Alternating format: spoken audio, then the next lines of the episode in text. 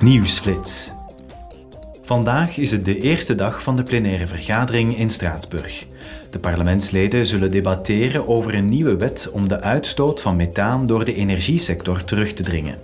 Methaan is een krachtig broeikasgas dat verantwoordelijk is voor ongeveer een derde van de wereldwijde klimaatopwarming. Naast energieproductie veroorzaken ook andere activiteiten methaanuitstoot, zoals de landbouw en de verwerking van afval. Morgen volgt een stemming over de nieuwe wet.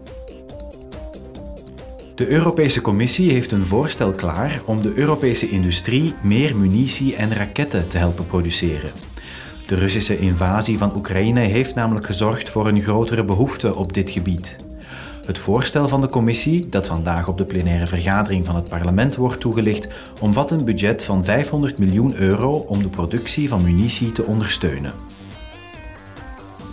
Morgen zal het parlement zijn goedkeuring geven voor minstens 145 miljoen euro extra steun aan Moldavië. Het doel is het land te helpen voorzien in zijn financieringsbehoeften voor 2023. Het plan is om de steun in twee delen uit te keren, als tenminste aan bepaalde voorwaarden is voldaan. Die voorwaarden omvatten hervormingen in het rechtsstelsel, eerbiediging van de rechtsstaat en meer maatregelen tegen corruptie.